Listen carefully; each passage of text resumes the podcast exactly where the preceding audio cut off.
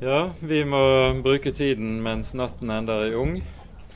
Eh, så vi, nå er det tid for eh, det andre foredraget vårt. Da er det altså Kjell Dalene som eh, beredvillig har kommet til Bergen for å gi oss del i sin noe du har arbeidet med i mange år, som jeg har forstått. Dette som har med både Plymouth-brødrene og dispensasjonalismen sin måte å tenke på.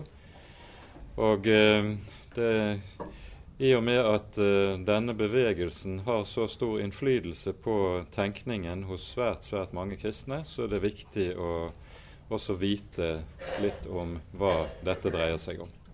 Så vi er takknemlige for at du kunne komme. Vær så god.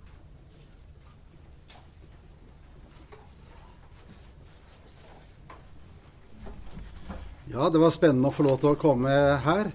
Jeg tenkte på det i dag før jeg dro hjemmefra, at jeg er gal som gjør dette her frivillig. Jeg har vært eh, pensjonist eh, nå i eh, halvannet år i hvert fall. Ellers har jeg reist i Misjonssambandet da, i 50 år før det. Så jeg har farta land og strand rundt og hatt en del oppgaver i forsamlingene våre også, og på bibelskolen. Nå er det en, eh, en, sannhet med modifikasjoner at jeg har eh, jobbet med dette her i mange år. Eh, det var nemlig sånn at jeg begynte å samle litt stoff om bibellæreren Adolf Bjerkreim. Og da oppdaget jeg veldig fort at jeg trengte å sette meg inn i tidshusholdningslæren og Plymouth-brødrene for å også få litt mer kjennskap til det. Så eh, skrev jeg en artikkel til Fast grunn. Den blei på 40 sider. Den fikk jeg i retur fra eh, Jon Kvalbein med det påskriften 'Reduser den til ti sider, så skal vi ta den inn'. Det følte jeg ikke var så helt enkelt, så jeg gjorde det motsatt. Jeg, det tok meg tid til å fordype meg i dette emnet litt mer, og så ble det den boken som eh, er kommet, eh, som ble nevnt her, da. Og den er det 30 år siden jeg, neste år siden jeg ga ut. Og jeg har ikke vært den som uh, har liksom levd i dette. Jeg har hatt min oppgave i Misjonssambandet, og eh, det har ikke vært min agenda, kan du si. Men eh, etter at jeg skrev den boken, fikk jeg innbydelse til fra England, fra Plymouth-brødrene der, å besøke dem, og det, det gjorde jeg.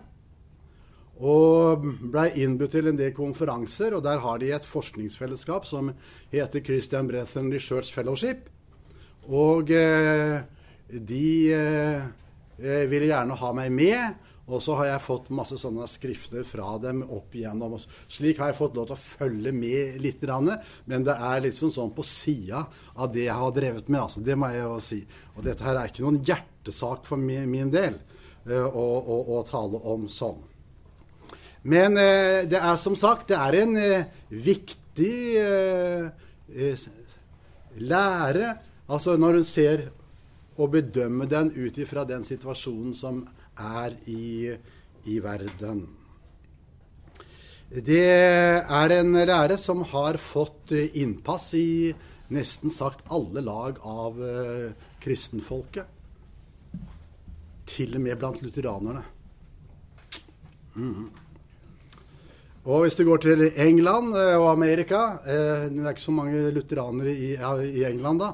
Men i til Amerika så er det en, en professor som heter Seis, som har skrevet en, en trebinds kommentar til åpenbaringsboken, en lutheraner. Og han følger dispensjonalismen hvis du tar det litt sånn i litt leit utgave, da. Eh, lederen for eh, Brodersamfunnet i Amerika, eh, Ian Brown, han eh, har jo skrevet en bok om eller i tråd med dispensasjonalisme osv. Så, videre. så eh, det er altså slik at den har vunnet eh, innpass i veldig mange sammenhenger. Men la meg si med en gang at Eller bruke tidshusholdningslæren, det er, er kanskje litt bedre enn dispensasjonalisme. For jeg eh, fortalte det til noen venner. Jeg hadde nettopp sagt at jeg var lekpredikant og hadde ikke noe sånn akademiske eh, greier. Og så spurte de meg om hva jeg skulle tale om. Og så sa jeg at jeg skulle tale om dispensationalism. Hva, hva, sa du, sa de? jo, jeg, jeg, gjentok det, vet du. Og de sa jeg tror ikke du er så enkel likevel, jeg sa det. det var et vanskelig ord og mange staver på det.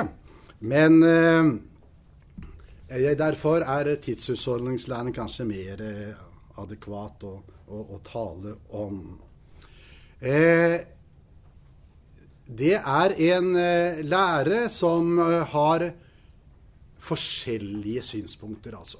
Vi kan ikke si at det er én én form for dispensasjonalisme eller tidshusholdningslære. Fordi de divergerer i veldig mange spørsmål. Selv om vi kan si at det er visse hovedlinjer. Eh, er det. Her har jeg lagt fram tre kart. Det er noe av det som merker seg når de, disse ekspertene på tidshusholdninger de eh, opererer gjerne med kart når de skal undervise om eh, dette. Vi kan si at eh, tidshusholdningslæren er en lære om hvordan Gud styrer i verden. Og eh, den har sine røtter tilbake eh, Det ble nevnt her at eh, de tidlige eh, kirkefedrene de eh, talte om et framtidig tusenårsrike. Det er litt eh, viktig å ha med det. Det ble nevnt her at jødene var uteglemt, eller ble ikke omtalt i forbindelse med tusenårsriket der. Det er ikke vanskelig å forstå, fordi at det var jo en antisemittisme som preget store deler av den tidens eh, kirkeledere. Ikke minst Justin Martyr, som kom med grelle antisemittiske eh, utlegginger, kan du si. Så det er ikke så uh, underlig at de er utglemt, fordi de ble jo sett på med meget svarte øyne. da. Men eh, denne læren eh, regner vi som, eh, som kommende fra, eh, fra, John Nelson Darby. Det er for så vidt riktig, men den hadde sine forløpere før eh, den tid. Det var en fransk jesuit som het eh, Francesco Ribiera. som vel var den første som antyda litt om det i sin utlegging av åpenbaringsboken. Og her kommer også da jødene inn som et sentralt ledd i endetidsforventningen. Altså jødene skulle ha en sentral plass i endetidsbildet. Og eh, en annen jesuitt eh, som heter Manuel Acunza, han eh, skrev en bok også som het eh, 'Messias' komme i herlighet og majestet'. Og han eh, skrev synonymt da med Ben Esra, og det fikk jo et visst eh, jødisk eh, eh, image da på den eh, måten. Eh, dette var bøker som ble gjort kjent i England, og som var også da grunnlaget for litt av det som vokste opp når det gjaldt endetidsforståelsen i England på begynnelsen av 1800-tallet da var det en hel rekke konferanser som satte spørsmålet om endetiden på dagsorden. Og eh, en av de eh, som vakte stor oppmerksomhet, var en som het Herbert Irving. Han eh, ble da opphavsmann til det som kalles for irvinganismen, som var en endetidsfokusert eh, bevegelse, og også en nådegavebevegelse. Men eh, Irving han eh, døde nokså tidlig, allerede i 1834, og han kom ikke til å være med på å prege den. Dessuten så blei det en viss eh, eh, konkurranse og litt motsetningsforhold mellom eh, Darby og, eh, og Irving.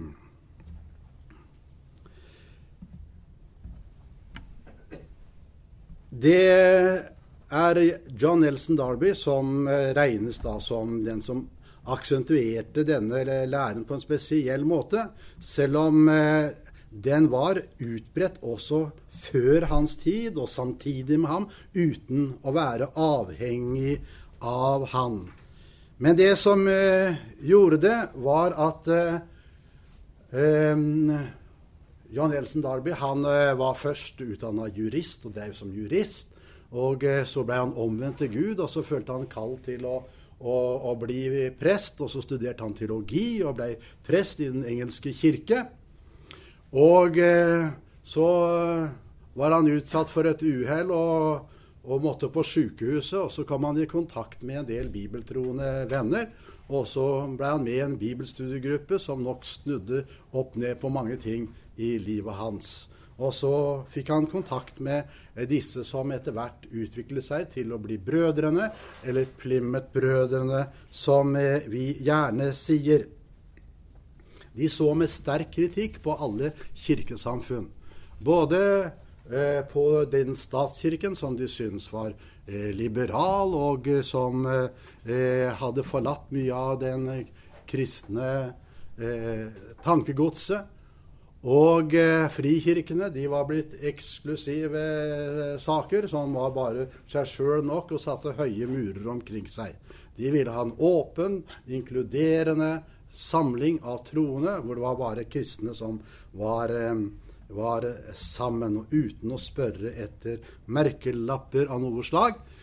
Og det var nattværen de kom sammen om, som brødre.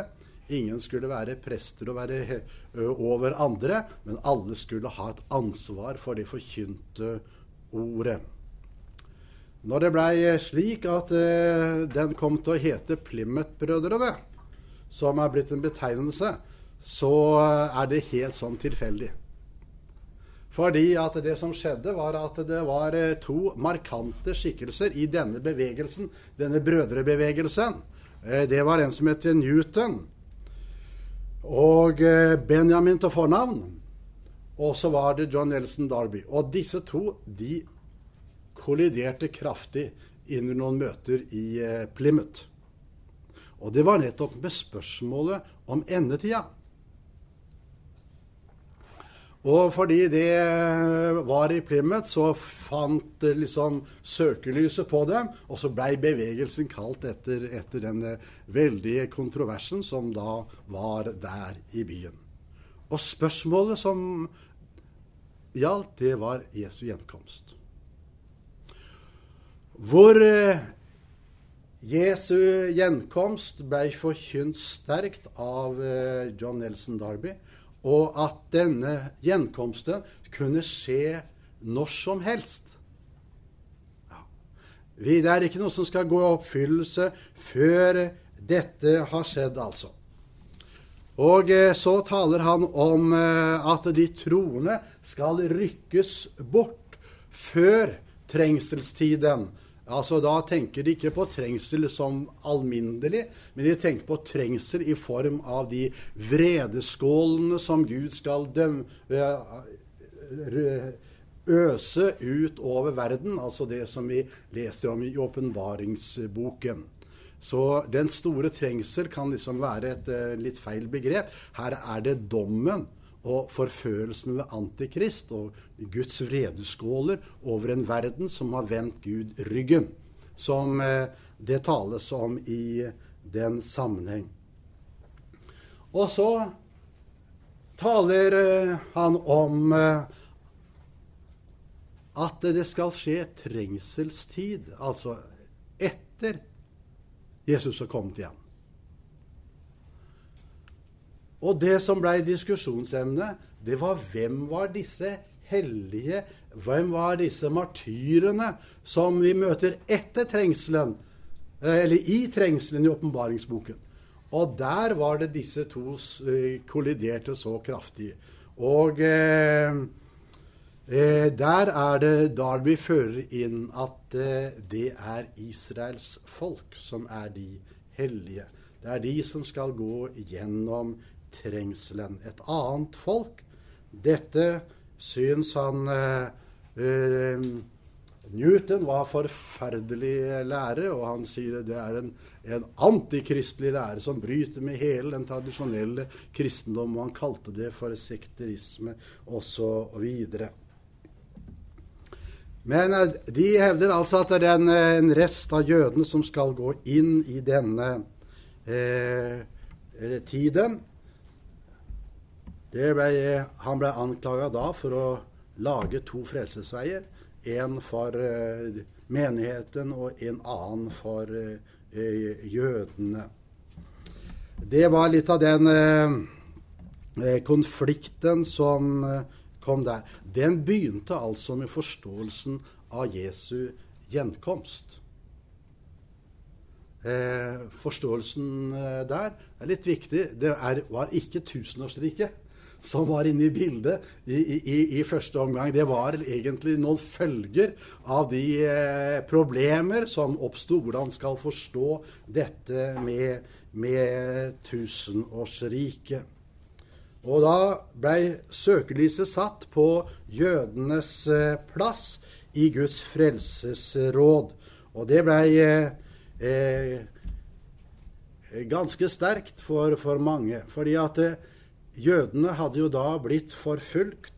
Eh, de var blitt fordømt av den kristne kirke. De ble sett på som Kristusmordere og eh, hadde ingen plass blant folkene. De ble torturert, forfulgt og tatt fra rettighetene, stuet sammen i gettoer og ble behandlet som spedalske. De var statsløse, og de var rettsløse. Og overgrepene mot jødene betydde ikke noen ting i samfunnet. Det var litt av de, de tingene som lå der og florerte i, i, tankegodset. Her er det en bevegelse som da begynner å løfte dem fram og sier at disse utstøtte menneskene som de ikke brydde seg om, de har en plass i Guds tanke i Guds ja, eh, ledelse med historien osv. Dette fikk grobunn i veldig mange lag av, eh, av det kristenfolket i England. Og den som kanskje kom til å være en plogspiss til å, å føre det ut i verden, det var verdensevangelisten Dwight L. For han kom til eh, England, og han møtte disse eh, folkene. Og blei begeistra for det han så og hørte. Det, han hadde et mål en gang han kom til England, det var å besøke Georg Müller, som hør, hørte da med til eh, Plymouth-brødrene. Og så var det noe som fascinerte dem, og det var dette at Jesus han kan komme igjen hvert øyeblikk. Vi skal vente å være beredt hvert eneste øyeblikk. Jesu skal komme igjen og hente bruden sin. Det var selve eh, saken. De levde i ei tid da den ene feilslåtte forventningen av Jesu komme kom opp etter den andre. De forutså mange spørsmål og, og, og slik. Adventismen i, i forskjellige valører den eh, slo jo fast at det det den tiden skal, da skal Jesus komme igjen. Og så ble de slukøra alle sammen. ikke sant? Men her var det en som sa vi må ha forventningen nå.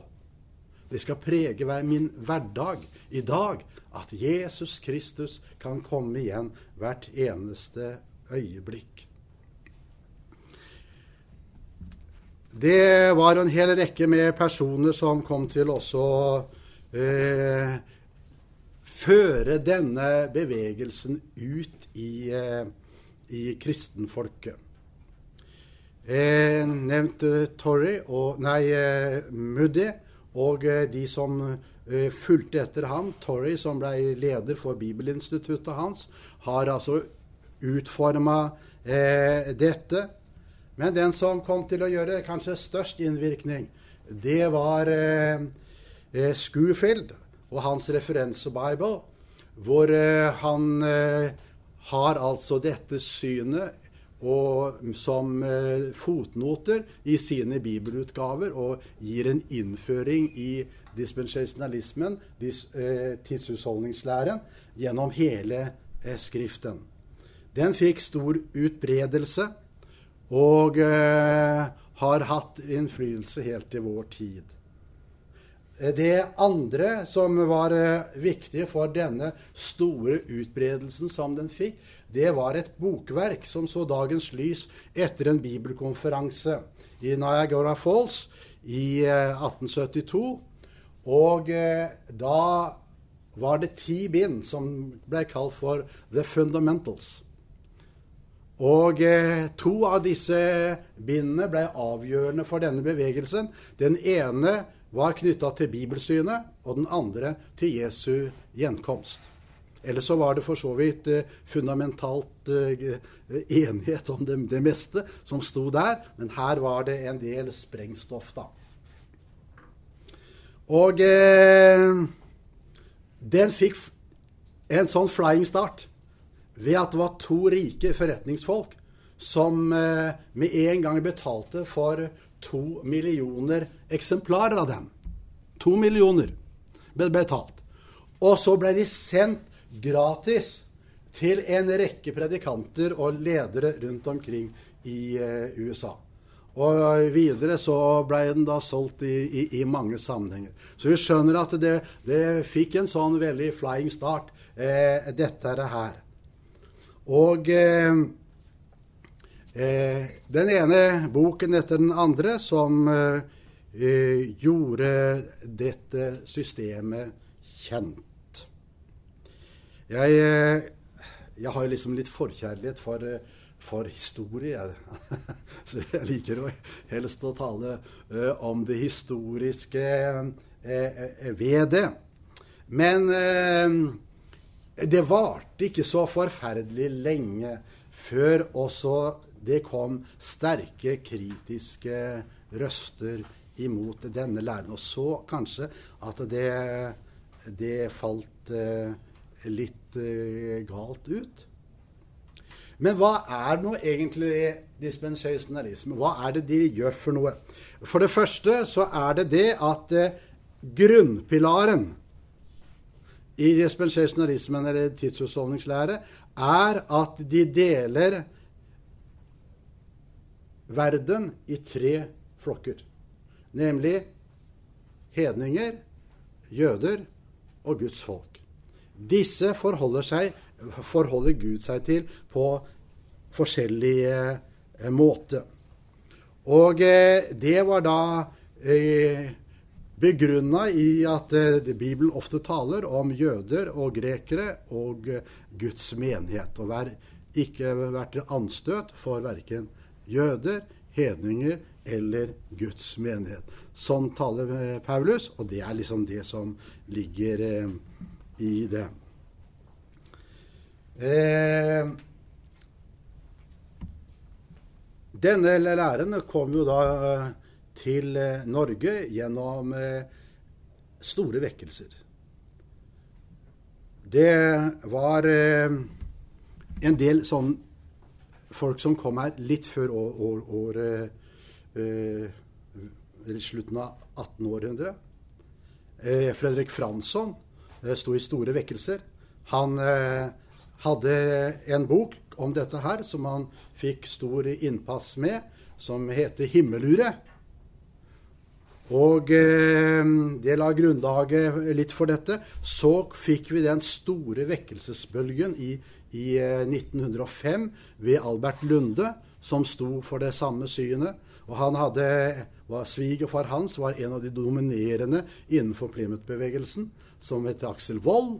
Og dermed så var det en sammenfallende ting med omfattende vekkelser. Folk ble frelst. Og så fikk du dette synet presentert på, i, i, i, samme åndedrag. Og det var en stor åpenhet, slik som det er når mennesker opplever at Gud taler til dem, og folk blir frelst. Så er det en spesiell åpenhet eh, for dette. Men i Amerika begynte det å reise altså, visse kritiske toner. Én eh, ting var eh, de som nesten sagt sto på et annet syn enn dem. Det, det, kom en del kritiske røster. Men det verste var når de fikk problemer innad. Og eh, den første som eh, skapte bølger, det var en som heter Philip Mauro. Som var dispensasjonalist, og som, og som tok et oppgjør med dette her. Med det resultat at han eh, som var kalt til eh, å tale på sånn bibelkonferanse, men etter at han hadde skrevet dette heftet, eller lille boka, om mot dispensationalism, så trakk de innbydelsen tilbake. En annen person som eh, var veldig sentral i, i disse kretser, han hørte ikke til noe samfunn. Det var som heter Arthur Pink. Han har skrevet masse fortolkninger eller gleanings from, som han sier, på de forskjellige bøker i Det gamle testamentet. Og leser du disse bøkene, så ser du dispensationalism i i både i Første Mosebok og i Annen Mosebok og forskjellige der. Jeg er helt i tråd med det. Men plutselig så kommer han med et, et oppgjør da, som han tar eh, en ny stilling. Og så vender han dem ryggen, og så sier han det at dette bærer galt av sted. Og det var kanskje noe av det verste som eh, de kunne liksom tenke seg da. Er, eh, hvordan deler dispensasjonalism eh, tiden inn?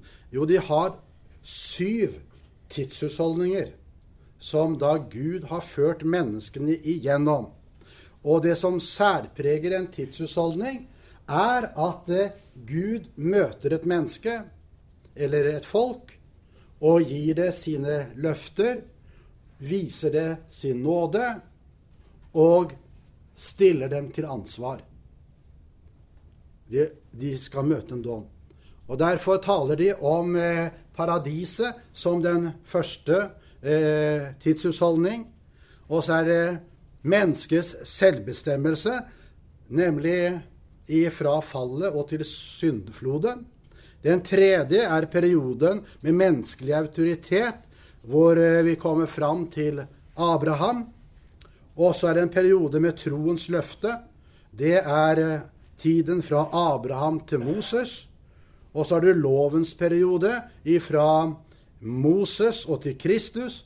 Så har du menighetens periode fra Kristus og til bortrykkelsen. Og så har du perioden med det synlige Guds rike, som er da tusenårsriket. Det er vanlig. Og alle disse begynner altså med at Gud taler, at han gir løfte, at de får nåde, og så må de gjøre stilles til ansvar, eller bli prøvd på troskapen mot det Gud har åpenbart eh, for dem. Det som er da eh, spesielt eh, med dette, det er at den er en meget bokstavtro bevegelse. Altså den, den eh, hevder at Bibelen er slik å forstå som den etter bokstaven lyder, for å bruke et luthersk uttrykk. Altså, du skal kunne stole på at det Bibelen sier, det er slik, altså. Og de bruker, eh, bruker sterke ord i den sammenheng. Den eh, boken som på en spesiell måte gjorde dette kjent uh, utover i system, det var Scofields bok Eh, læres eller forkynnes Guds ord rett. Der går han gjennom disse forskjellige tidshusholdningene. Og La meg ta med et forord i den boka der. Der står det hensikten med denne boken er å peke på viktige deler av sannhetens ord. Det er klart at det ikke kan gjøres fullt ut uten en grundig analyse av Bibelen. Allikevel mener vi at den troende ved å lese denne boken vil bli i stand til å forstå de mest betydningsfulle omriss av sannheten. Han vil også se at det som for det naturlige mennesket synes å være en ren sammenblanding av motstridende tanker, i virkeligheten er Gudsordet i ordnet og skjønn harmoni. Det er liksom litt av utgangspunktet. Bibelen sier det samme. Den Bibelen sier ikke imot seg selv, men Gudsordet må plasseres riktig i de forskjelligste tidshusholdninger. Sånn eh, tenker de. Så eh, For å eh, Jonstad han sa det at det var liksom eh, mange spørsmål som sto åpne. Her er det ikke mange spørsmål som står åpne. Her finner vi en plass til alt sammen. Skjønner du det? det? De har ikke noe problemer eh, med det. Ja, kanskje. Men eh, det får eh, en hel del konsekvenser, altså. At de ser alt sammen i en sammenheng. Bibeltroskapen, som på mange måter er veldig eh, fin, og som vi møter i Plymouth-bevegelsen og dispensasjonalismen, de, mange av den, dens eh, eh, profilerte folk var noen som sto og kjempa på barrikadene imot et liberalt bibelsyn og mot, mot angrepene på Bibelen. Det må vi si. Eh, Eratori, som selv en tid var en liberal teolog, teolog blei en frontkjemper i Amerika imot liberal teologi, men samtidig så sto han for dette. Det er altså en nøkkel til å forstå eh, Skriftens ord som vi her har eh, med å gjøre. Ja, nå er det veldig masse her som jeg uh, må gå for, forbi. Men eh, bare si at dette er, er en fortolkningsnøkkel. Men bak bak denne fasaden, som jeg syns på mange måter kan virke veldig bra, så har den en del eh, ting som en reagerer på når den begynner å trenge inn i dette materialet. Eh, bibelsynet, som da er bokstavtro. Eh,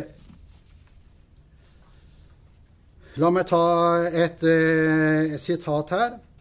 Det er fra Schofield igjen. De historiske beretninger i Skriften har kanskje oftere enn vi forventer en allegorisk eller åndelig betydning.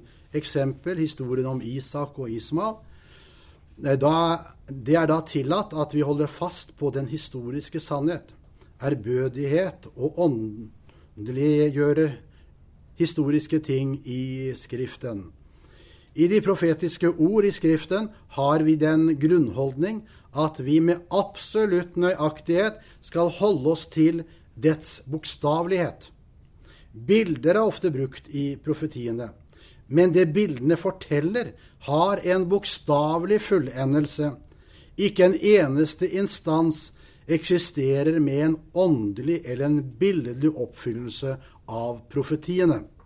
Jerusalem er alltid Jerusalem.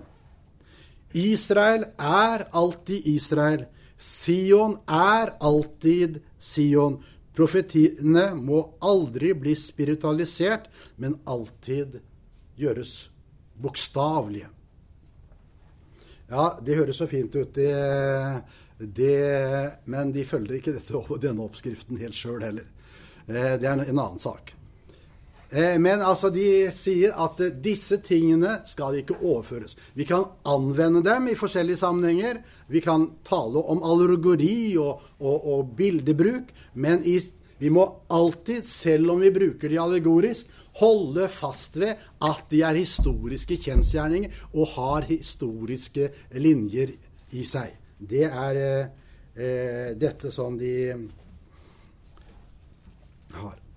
De eh, taler derfor eh, om en enhet i Bibelen. Altså at et uttrykk i Bibelen det må forstås likt gjennom hele Bibelen. Og Derfor nærmer de seg et matematisk eh, bibelsyn. Du kan gå altså hvor som helst i Skriften, og så kan du si at det ordet betyr det. Skjønner du? Så eh, når det tales om rike, så har jo det synspunktet at overalt hvor riket kommer, forekommer, så er det tusenårsriket. Mm. Uansett altså hvor du, du, du, finner det.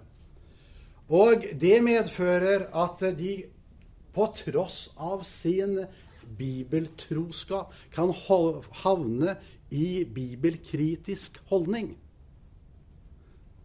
Fordi at da sier de det at det i Det nye testamentet, i, eh, i eh, evangeliene, der tales det om riket.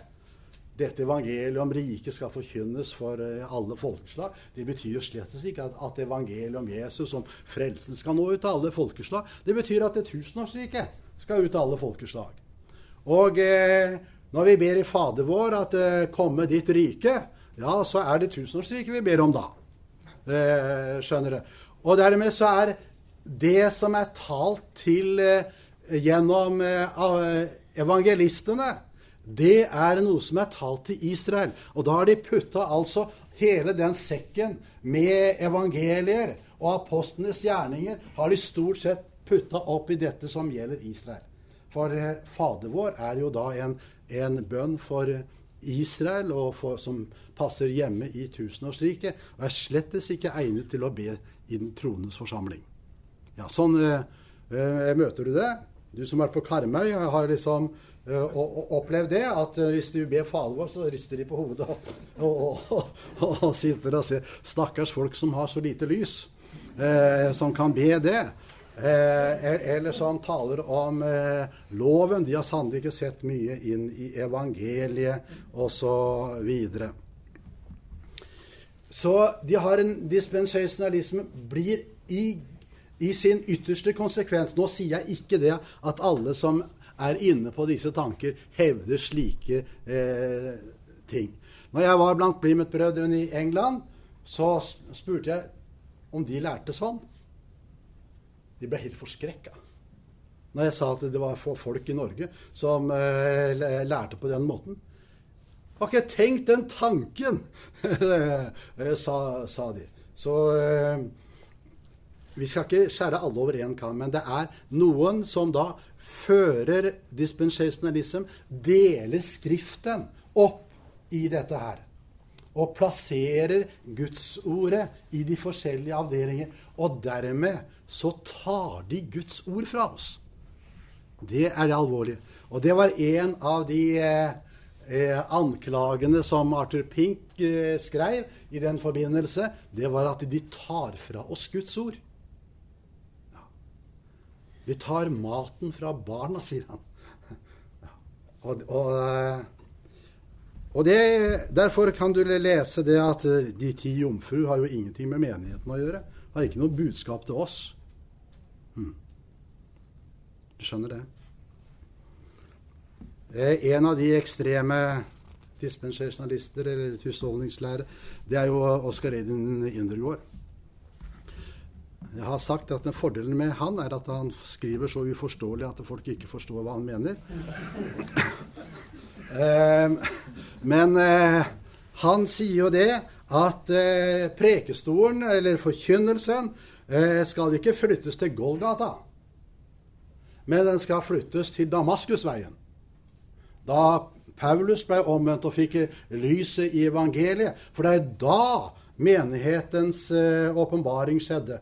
Det er, og de sitter igjen bare da med, med brevene til Paulus som det Guds ordet som er da beregna på menigheten. En, en, eh, en farlig ting. Eh, menigheten er derfor en, en, bare en husholdning som er en parentes. De bruker uttrykket parentes. Altså, Gud har et mål med slekten, og dette målet det var Israel. Det var å gjøre Israel til en nasjon, til å virke for evangeliets fremme og, og, og bli den eh, instrumentet som Gud skulle bruke til å, å, evangelisere hele verden. Men så skjedde det altså en katastrofe eh, i denne tidshusholdningen også. Jødene forkasta Jesus. Og så ble det nødvendig med en, en eh, parentes. Og denne parentesen den ble da, da, menigheten, som da går ifra eh, fra Egentlig taler om fra Golgata og eh, pinsedag, også til menighetens bortrykkelse. Det er en parentes. Da er det Gud igjen skal ta seg av sitt folk Israel. Og så eh, forventer de da at dekket over Israel skal altså tas bort, og de skal se Jesus, og dermed skal de virke for han i endetidsfasen. og Derfor blir de martyrer og ø, i, i trengselstida. De våkner der. Eh, Gud tar seg et, ut et folk, og så blir de eh, evangelister i, i tusenårsriket. Det er rike for Israel. Har jeg brukt masse tid nå? Har ikke fulgt med? Jeg har brukt Har jeg, har jeg litt tid?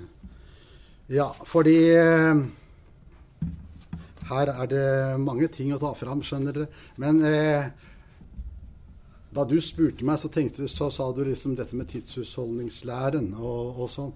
Og da tenkte jeg i, i, i, stort. Så snakket vi her om dagen, og da, da var det liksom fokusert mot tusenårsriket. Da ble jeg litt sånn perpleks. Hvordan eh, skal jeg nå få inn dette her også? Men eh, eh, la meg få lov til å si litt også om, om deres forståelse av, av tusenårsriket. For den står sentralt i eh, tidshusholdningslæren. Det er jo den siste og syvende av disse tidshusholdningene.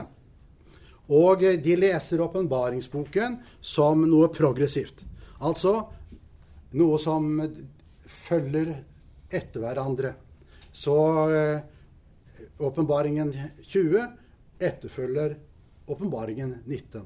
Lammets bryllup og Kristus på den hvite hest og tar dom over eh, dyr og den falske profet, er altså noe som går foran eh, tusenårsriket og opprettelsen av det.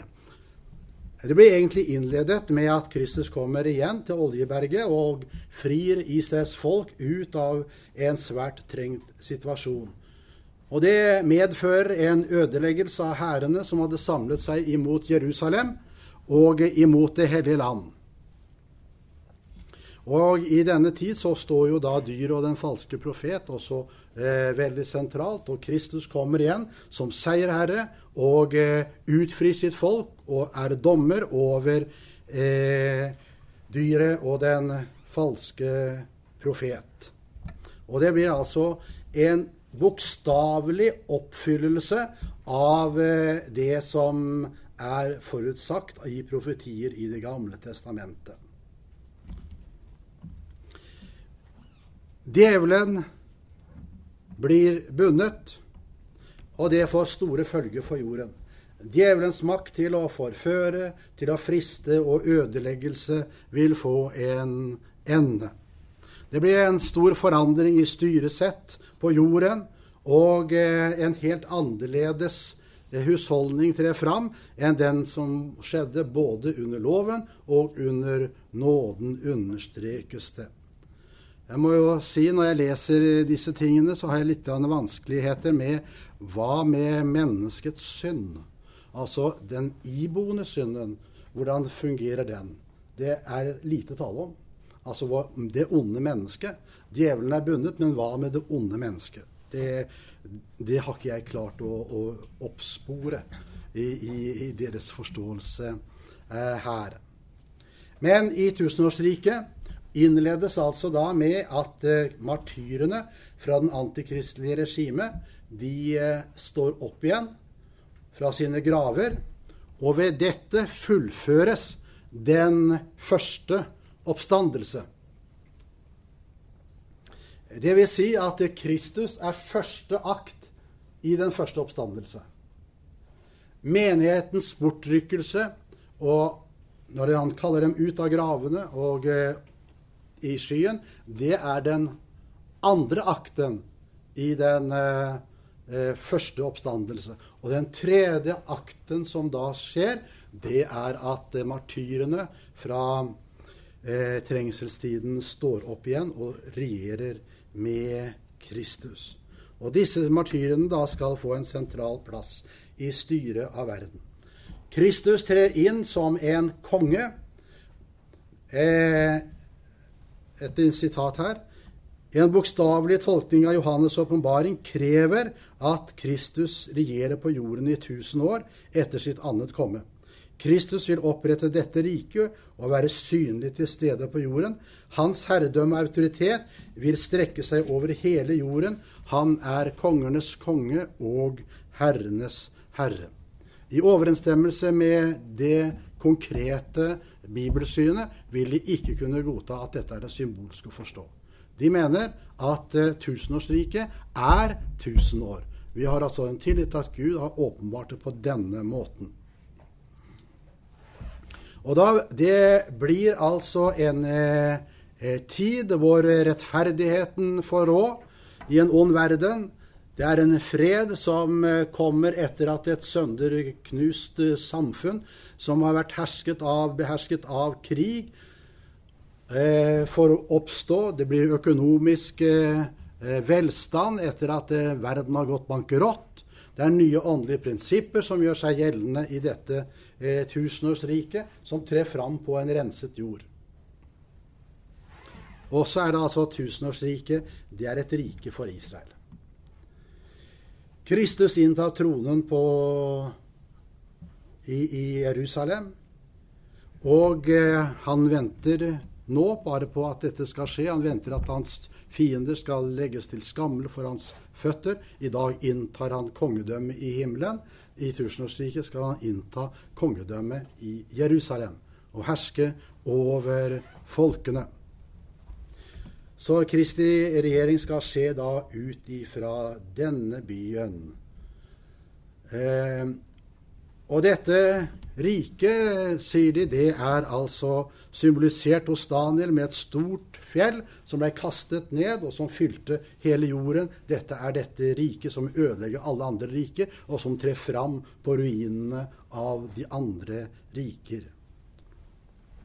Det henvises til Daniel 7, 14. Og eh, det ble et rike for Israel og med Israel, til velsignelse for Israel, men gjennom det til velsignelse for alle folkeslagene. Han skal forbarme seg over hele Israel, og de skal kjenne at jeg er Herren deres Gud, står det i Esekiel 39. Og eh, Kristi regjering over Israel vil være herlig og eh, vil bokstavelig talt være å innfri alt det som Gud har lovet til David. Eh, en hel del eh, vitnesbyrd eh, om det. Eh, han har jo et eh, nå, nå, bygger jeg en del av det jeg sier, nå på en av de fremste eh, dispensasjonalistene i de seinere år. Eh, da, han, jeg tror han er død nå, men uh, sønnen hans har uh, overtatt. Og det er Johnette F. Valvord, som har skrevet en hel rekke bibelkommentarer om endetiden. Noen av dem er utgitt på norsk. En hel rekke foreligger på engelsk. hans store verk på norsk, det er 'De store profetier', som Eh, gir et, en innføring det. Men jeg sier igjen dette er ikke alle som uh, følger. Jeg sperrer jo litt øynene opp når jeg leser det, at uh, han sier det at uh, i tusenårsriket så skal altså David, kong David, oppstå fra de døde og skal sitte med han på hans trone og være liksom den som, som eh, regjerer eh, sammen med ham. Eh, for da å understreke alle disse tingene som hører med til det davidske riket, er lite forståelse for at eh, når det tales om David, at det kan være Davids eh, etterling og Davids eh, eh ånd og Davids makt, og ikke David personlig. Men eh, eh, her sies det at eh, her skal eh, David selv stå opp igjen fra de døde og herske. I det tusenårsriket skal det bygges et konkret tempel etter de nøyaktige linjene som er gitt i Esekiel kapittel 40 til 44. Det skal bli akkurat slik, og tempelet skal være en forsikring om at Gud er i deres midte. Ikke bare at Kristus er på tronen i Jerusalem, men at han eh, har en herlighet der sammen med Faderen og Sønnen. Og eh, den herligheten som forlot Salmos tempel, den skal fylle det nye tempelet. Som da er et giganttempel eh, på 266 meter eh, bredt og like langt. Så det blir eh, ca. 70 mål. Eh, 70,75 mål eller sånt nå. Så det blir et giganttempel som da skal bygges i Jerusalem. Og dette skal bli ofringer der. Og eh, disse ofringene betyr ikke, sier han, at at eh, Kristi offer ikke var godt nok, men det skal være en påminnelse og en eh, minnes at Jesu døde for dem. Altså en, et, en minnesak. En, en påminning. Eh, jeg tenker jo som så det at, eh, at når Kristus sitter på tronen der, og han er, nærværende, så trenger ikke akkurat uh, sånne offer for å bli minnet om det da. Han har antagelig sårmerkene i sine hender han som presenterer seg for oss sånn. Eh, jordens befolkning, den eh, har spurt hvem er det som skal være i tusenårsriket. Og her er det at eh, Han sier det at eh, folket, jordens befolkning blir stort sett utrydda i forbindelse med endetidsdramaet. Så de som eh, blir, eh, går inn i tusenårsriket, de er de frelste. Jeg kan sitere for at ikke skal tro at jeg sier noe av meg sjøl. I sin begynnelse vil tusenårsriket omfatte voksne som er frelst, ettersom både ufrelste hedninger og ufrelste jøder vil være renset ut, og bare voksne kristne og barn vil få tillatelse til å gå inn i tusenårsriket. Disse barn vil imidlertid senere bli stilt overfor frelsesvalget. Det samme vil skje med dem som fødes i tusenårsriket. Eh, her tror jeg nok det er mange av dispensasjonalismens folk som vil eh, eh, reagere negativt. For noe av det som har ligget i det, er at eh, dette riket for Israel, der er det at Israel skal eh, ha en misjonerende oppgave iblant folkene på jorden. Og eh, her synes det som om alle andre er, er, er vekke, altså. Men eh, tusenårsriket blir et fredsrike. Det blir et rike med stor velstand. Det blir et rike som helsetilstanden skal være på topp. Det skal ikke være mye sykdom. Eh, henvises til Jesaja 65. Det skal ikke lenger finnes noe spedbarn som bare lever få dager, eller en gammel mann som ikke fyller sine dagers mål. Nei, en ung mann skal eh, den være som dør 100 år. Og 100 år gammel skal den synder bli som forbannes. Så det, liksom, det fører de da inn i, i tusenårsriket. Den fysiske verden vil også uh, bli forandret.